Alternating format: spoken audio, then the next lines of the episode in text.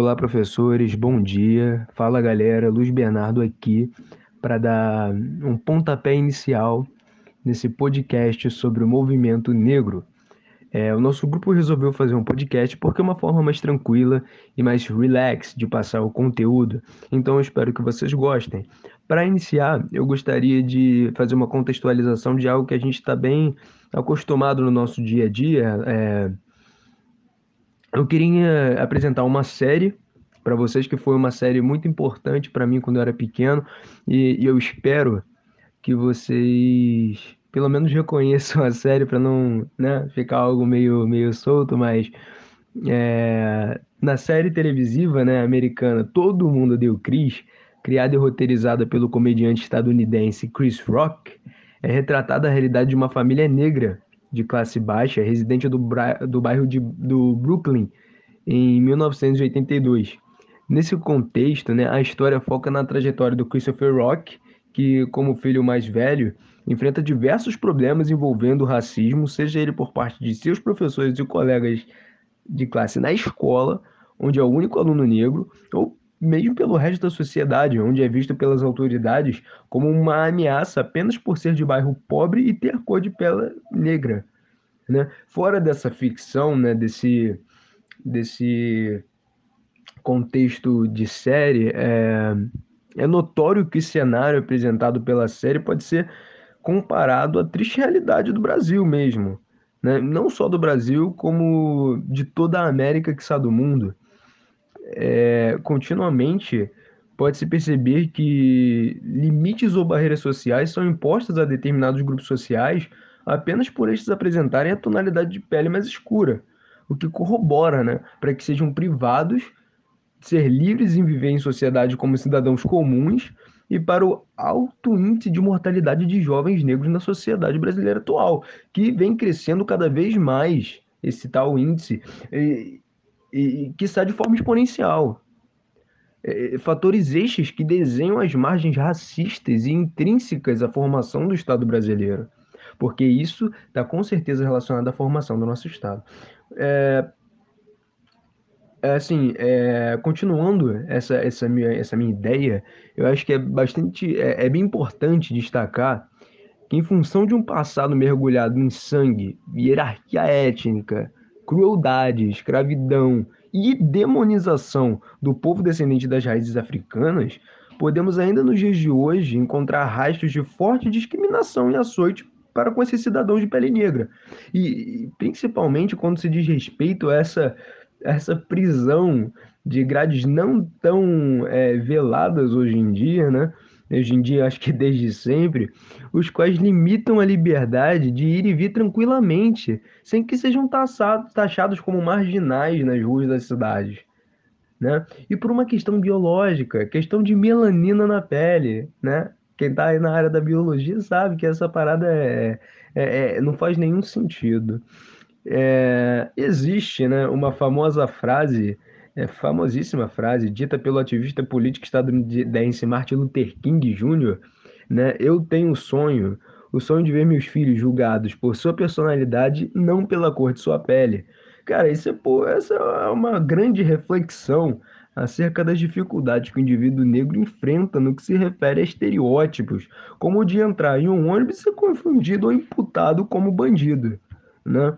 Fator pontualmente e criticado de forma ácida e, e, assim, maravilhosamente criticado pelo Chris Rock né, na apresentação do Oscar 2020, na qual afirmou que não importava quantos Oscars o ator, o ator por sua vez negro, né, Mahershala, ah, esse nome é difícil, galera, calma lá, é, acho que é Mahershala Ali, não tenho certeza, me perdoem se minha pronúncia estiver errada, mas ele disse que tal ator não importava quantos Oscars, acredito que ele já tinha ganhado dois, mas não importava quantos Oscars esse ator tivesse ganhado, isso não significaria nada quando este fosse abordado pela polícia. Então, um, um claro que teve um intuito cômico, mas obviamente a gente sabe que isso não foi apenas uma piada, o cara estava sendo totalmente é, coerente no momento que fez a piada, porque realmente é, é uma coisa que a gente deve parar para analisar na nossa sociedade, né? Outra coisa que, é, por conseguinte, na verdade, né, por, por, por ser uma consequência disso, presencia-se um forte poder de influência desse preconceito racial no crescente índice de mortalidade de jovens negros na atualidade do país. No momento em que se cria a, na verdade isso é até o motivo desse Black Lives Matter, né, desse movimento que a gente tem, mas já vou falar dele daqui uns três segundinhos já, vou, falar melhor dele daqui a pouco. É, no momento em que é, você tem, né, que você cria essa, essa disseminação ideológica do, do negro como principal inimigo, ameaça, vilão da sociedade, você tem não só a segregação desse grupo étnico, mas também uma guerra de sangue contra esses indivíduos. Segundo uma primeira, uma das primeiras escritoras negras do Brasil, a, Carolina Maria de Jesus, que, né, que seu livro Quarto de Despejo, ela diz que o negro só é livre no momento em que morre. De forma que até tal circunstância é vítima de diversas injustiças que acabam por resultar em no assassinato e no derramamento de sangue de jovens cidadãos muitas das vezes inocentes. Né? Paralelamente, olha eu voltando aqui, esse é um motivo da revolta do, do movimento Vidas Negras Importam, motivado a princípio após a absolvição de George Zimmerman, que fatalmente tirou a vida do adolescente afro-americano Trevor Martin a tiros em 2013. E recentemente foi impulsionado novamente pela série de mortes de negros norte-americanos inocentes pela mão de polícias e milícias. Acontece que aqui no Brasil, por a gente ter uma realidade muito semelhante, né, de vira e mexe a gente ter vários cidadãos negros sendo mortos injustamente, o que na verdade é um outro patamar de assunto quando a gente diz se uma pessoa merece ou não morrer, não quero entrar nesse âmbito, mas mesmo que a pessoa, né, tenha cometido tal crime, não é digno você levar à morte, tá na direito, isso aí é direitos humanos, né, galera? Você tem que levar ela, você tem que levar ela a a um processo jurídico, porque vamos combinar, tá na, lá nos direitos humanos dizendo que a pessoa é inocente até que se prove o contrário. Mas esse não é o ponto desse podcast, então vamos pular um pouquinho esse assunto, né? É, desse sentido, é fundamental que se tomem providências, porque é, se o Estado, se o próprio Estado não toma medidas eficientes para que isso é, para que isso se desenvolva, para que essa situação, no mínimo, se amenize, a sociedade tem que ir para a rua. Né? A sociedade tem que se manifestar, tem que demonstrar a, a, a força desse movimento. E no momento, eu já dei até spoiler, no momento em que você tem esse, é, esse conjunto social revoltado e com é, interesses, com uma batalha em comum, você vai ter, por sua vez, o nascimento desse movimento negro. Agora, galera, eu vou me despedindo por aqui e fica aí com o meu amigo Christian. Manda bala, irmão! Valeu, Bernardo, obrigado. Uh, professora, bom dia. Eu me chamo Christian de Souza eu vou dar aqui prosseguimento ao nosso podcast sobre movimentos sociais, mais especificamente aqui no nosso caso, o movimento negro Black Lives Matter. Esse movimento teve início em 2013, depois que um homem acusado de assassinar um jovem americano chamado Trayvon Martin, como bem disse nosso amigo Bernardo, foi absolvido.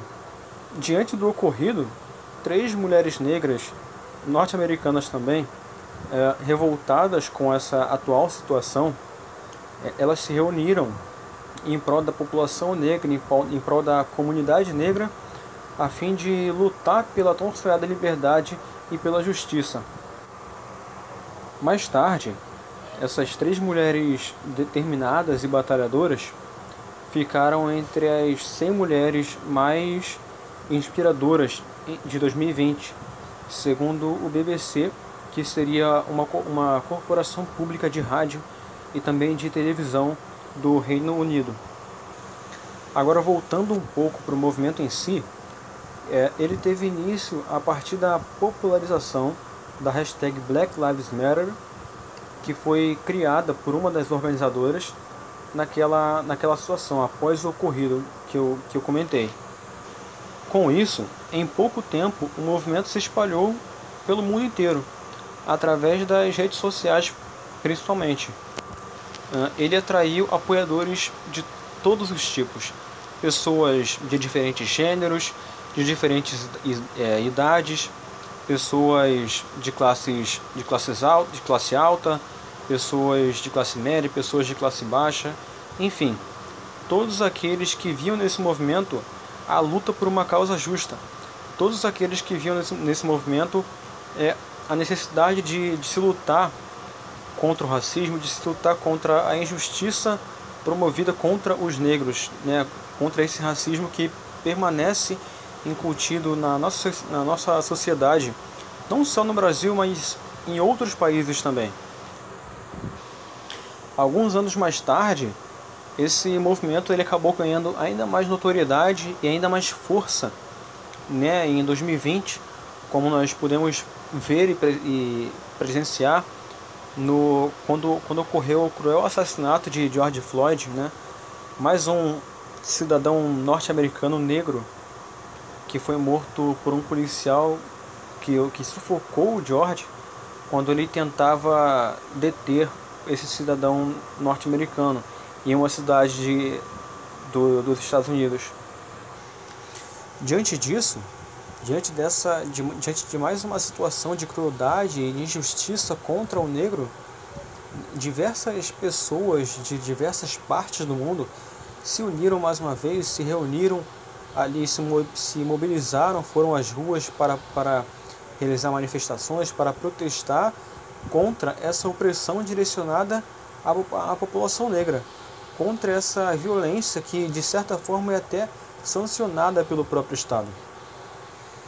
Então, tendo em vista essas coisas que foram abordadas, a gente consegue perceber como esse movimento e também outros, eles têm uma importância política, eles têm uma importância social para que seja gerada alguma transformação, alguma mudança na, na, na nossa sociedade, para que os negros eles não sejam tratados, eles não, eles não tenham um tratamento nem melhor e nem pior do que o tratamento que é direcionado aos brancos, por exemplo, ou a pessoas de qualquer outra cor de pele, mas que seja um tratamento igualitário, que, se, que todos sejam, sejam tratados da mesma forma. Então, professora, eu me despeço por aqui. Agora a nossa amiga Maria, ela vai falar para a gente também de outras características desse movimento do Black Lives Matter e como são as suas ações. Vai lá, Maria.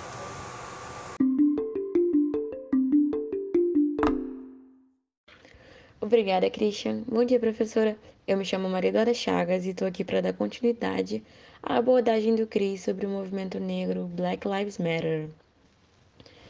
Então, como já havia sido citado anteriormente, tudo se iniciou quando uma onda de protestos após a morte de George Floyd por um policial de Minneapolis, nos Estados Unidos, fez a hashtag Black Lives Matter, vidas negras importam em tradução livre, ganhar manifestações nas ruas e nas redes sociais. Tanto famosos quanto anônimos têm usado o termo nos últimos tempos, no online e no offline, como uma forma de apoio ao movimento antirracista e também para cobrar das autoridades que resguardem vidas negras.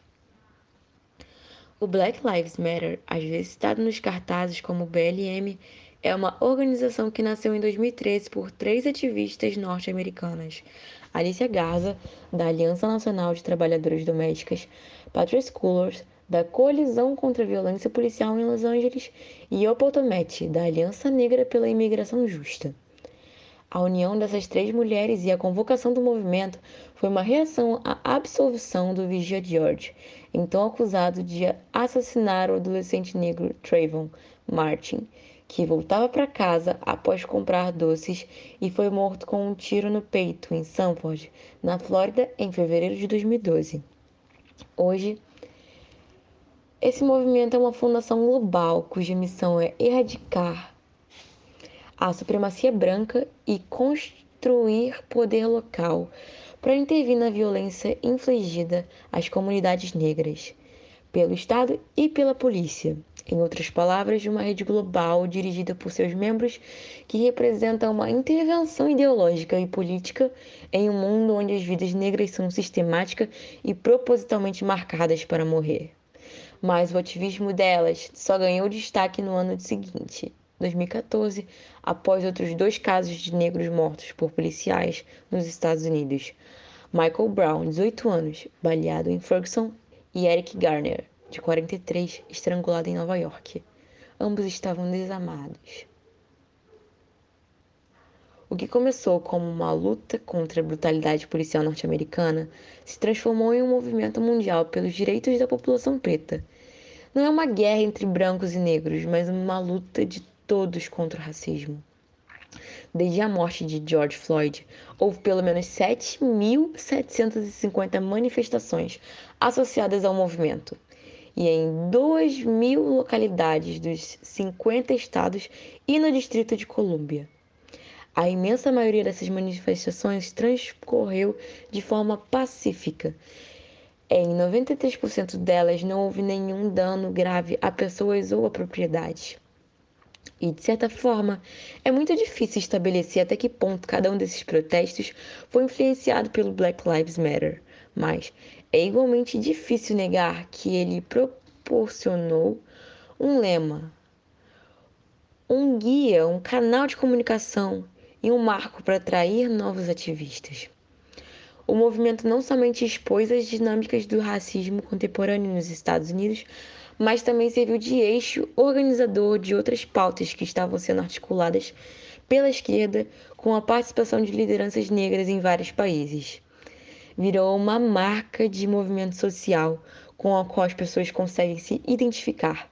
Também, em muitas cidades, obtiveram mudanças notáveis em políticas concretas, pressionando políticos locais. E é raro que o movimento consiga isso tão rápido. Em 2016, o BLM, BLM tinha mais de 30 secções nacionais. Houve movimentos de protesto de maneira consistente. Também é importante citar que durante toda a duração do movimento Black Lives Matter, que começou em 2014, o punho fechado vem sendo usado para expressar a união em torno da luta contra o racismo e da violência policial nos Estados Unidos. Segundo o psicólogo britânico Oliver James, o punho cerrado indica a intenção de se opor a uma força maligna e do tamanho considerável à sua própria força, e de promover a união das pessoas no combate contra a opressão. E agora eu vou deixando vocês com meu amigo Christian Mafra.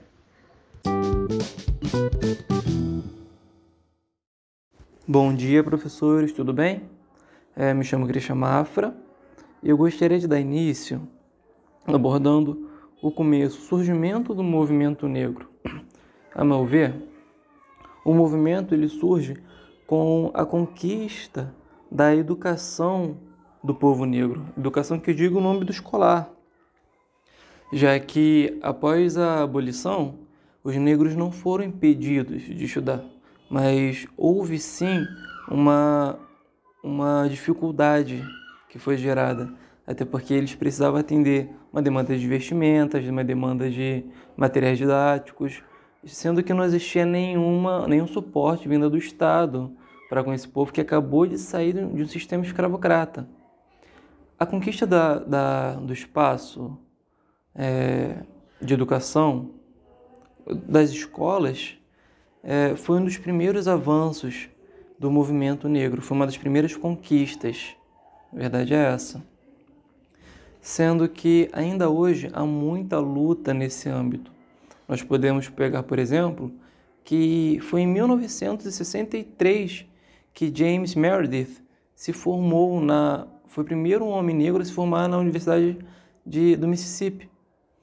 Ainda assim com muita luta para entrar na instituição, muita repressão, repressão, ataques, ameaças. Sua formação foi um ato fundamental é, na luta do movimento pelos direitos civis do povo negro. E vamos lembrar que isso não tem mais de 60 anos. Do lado de cá, é, é notório que há sim uma elitização muito grande na educação. Há uma, uma padronização de estudantes de elite de escolas particulares, que há assim uma uma superiorização, se eu posso dizer assim, da, do currículo acadêmico. Porque se nós formos parar para pensar, é, é, em qualquer turma onde não haja o desenvolvimento estudantil é, de qualidade, você vê que tem alunos negros naquela região, mesmo que não seja uma questão de, de cor, de raça. Nós temos o projeto Genoma para mostrar isso, que não há essa diferença de, de cor para intelecto. Porém, ainda assim, a educação para negros ainda é dada de uma forma medíocre, visto que como nós olhamos a história, os livros de história, como nós iniciamos a educação lendo os livros de história e vemos o primeiro modelo de homem negro, nós, vemos, nós, escutamos, nós lemos assim: quando os, os escravos vieram, é, quando os escravos foram trazidos, esse é o primeiro parâmetro que nós olhamos para o negro na história, que nós pegamos o material didático e estudamos. É, é esquecido totalmente dos reis, das rainhas, da, das lutas é, das lutas de repressão, de repressão, repressão. Mesmo com a Lei 10.639, que obriga as, as escolas, tanto públicas quanto particulares, a a, a agregar no currículo a matéria de, da África, né? das raízes africanas, da história do povo afro-americano, da, da história do continente africano. Por exemplo, eu vou dar um exemplo meu.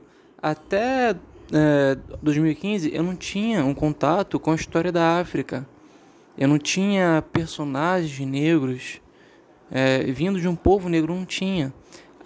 quando criança eu achava que eu podia numerar vários países da América da, da Europa, da Ásia, mas eu acreditava que, o, que a África era um país. Porque você não escuta, você escuta falar, ah, lá na África tem isso, lá na...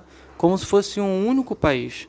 Não há uma diversificação cultural é, que, que é nos oferecida do povo africano.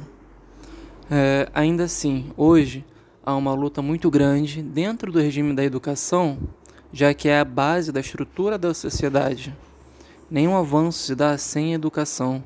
É, então, nós podemos listar vários movimentos negros relacionados à educação, como a Unia, Uniafro, que em 2003, vocês devem lembrar, centenas de alunos, centenas de estudantes negros e negras, eles invadiram a USP, que é a universidade pública mais elitizada que existe, uma das mais elitizadas que existe no mundo, eles pararam o prédio de direito para proclamar um direito deles de cota, de merecimento de um, de um lugar naquele prédio.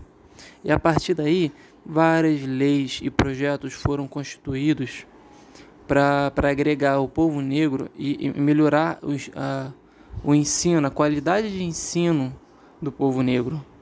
Então, é uma conquista que, que vem da base da educação da escolaridade.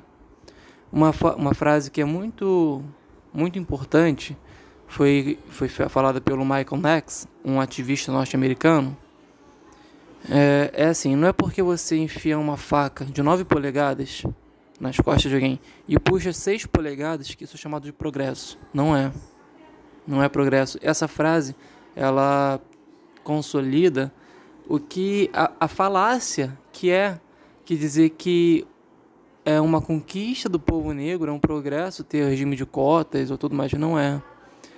Não é porque o que é tirado da sua história, da sua da história do seu povo e você reconstitui o mínimo, isso não, é, não pode ser considerado como progresso. E é por aqui que eu vou ficando. E vamos retornar mais uma vez com o meu amigo Bernardo. Vai lá, Bernardo. Finaliza e embrulha pra viagem, cara.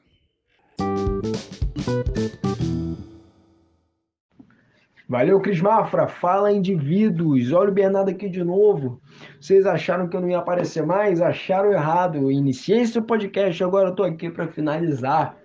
Vocês devem estar falando, cara, esse podcast tá maravilhoso, tá incrível, né? Tô cativado por ele, mas tá faltando uma coisa.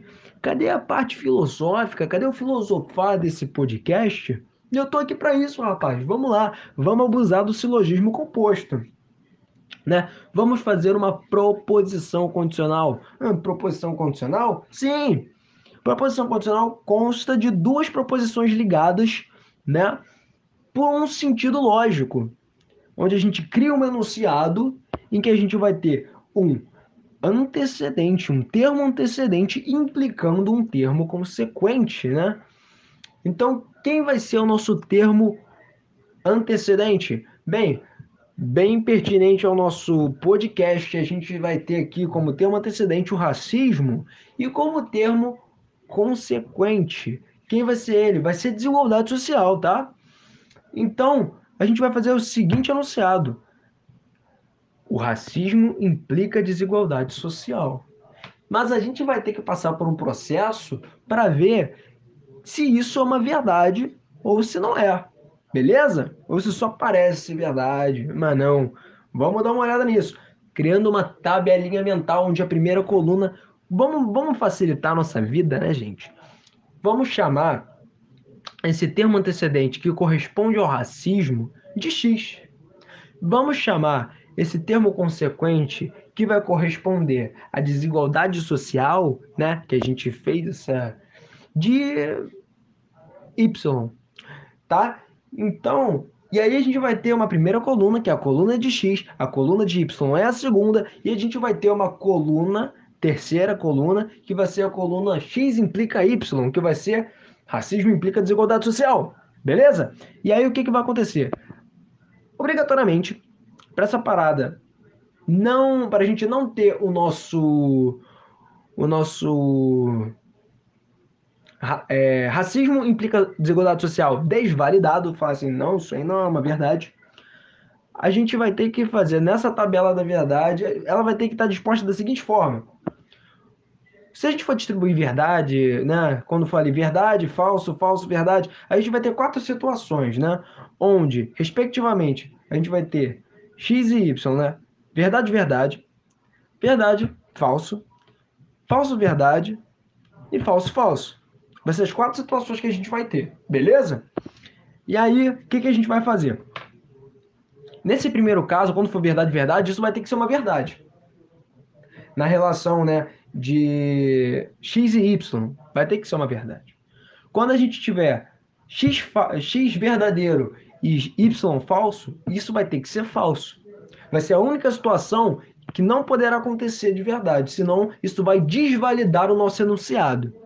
Beleza? E aí na terceira situação, quando a gente tiver x falso e y verdadeiro, a gente vai ter que ter essa relação, a gente vai ter que ter essa implicação x e y verdadeira, tá bom? E a próxima também, a quarta e última, quando a gente tiver esse x falso, esse y falso, a gente vai ter que o x implicar y verdadeiro também. Pô, mas eu vou te explicar isso de uma forma usando os parâmetros que a gente pegou, beleza? O antecedente e o, e, a, e o consequente que a gente pegou, que foi, respectivamente, racismo e desigualdade social. Pô, verdadeiro, verdadeiro. Quando a gente tem que o racismo é verdadeiro e a desigualdade social é verdadeira, isso vai ser verdadeiro. Isso não vai dar uma problemática lá em cima. Por quê? Porque quando você tem o racismo, você vai ter desigualdade social nosso podcast já está carregando é, essa explicação na bagagem. Que a gente vê que essa desigualdade social acontece por causa. De, tá, é uma causa, né? É, quer dizer, na verdade, é uma consequência desse. desse. do racismo, né? Beleza. Nesse segundo caso, verdadeiro e falso que vai dar falso. Essa é a única situação que vai dar falso, que no caso, se for verdadeiro, anula a, a, a nosso enunciado. Então vamos lá. Se o racismo for verdadeiro, a desigualdade social é falsa. Né? Se há o racismo, não há desigualdade social, não, não, não pode isso. Né? Então a gente está bem, porque deu falso, né? Porque não tem como você ter essa, essa, esse racismo sem ter uma desigualdade social para com esses indivíduos que sofrem o racismo, né? Que sofrem o preconceito racial. Então, falso, estamos bem, estamos bem, galera, estamos bem. Por enquanto tá válido nossa, o, nosso, o nosso argumento. Vamos ver o terceiro, falso verdadeiro. Se a gente não tiver racismo, foi erradicado. Vai ser verdadeiro a gente ter desigualdade social, mas não é. Mas não é claro que vamos. Isso tem que ser verdadeiro. E é verdadeiro mesmo. Né? Vamos pensar fora da caixinha. Tem várias, diversas outras situações que causam a, a desigualdade social, não só o preconceito racial. Então estamos bem ainda, galera. Vamos ver o último. Quando a gente for falso, quando a gente tiver racismo falso, né? A gente não tiver o racismo e não tiver é, a, desigualdade, a desigualdade social, isso não desmente que se há o racismo, há desigualdade social, não é? Então é verdadeiro. Então a gente pode comprovar que a relação, né, que a é, implicação de é, que a condição, na verdade, é que a condição de racismo implica desigualdade social é verdadeira. Portanto, não uma falácia, não, não uma falsa verdade, né? E, galera, é isso. Eu espero que vocês tenham gostado do nosso podcast. A gente fez com bastante carinho, deu um trabalho, mas foi legal de se fazer. Tá legal? Então, eu espero que vocês tenham curtido. Como diz o saudoso gaguinho dos Looney Tunes, isso é tudo, pessoal. Valeu? Um beijo, um forte abraço e espero que vocês tenham gostado.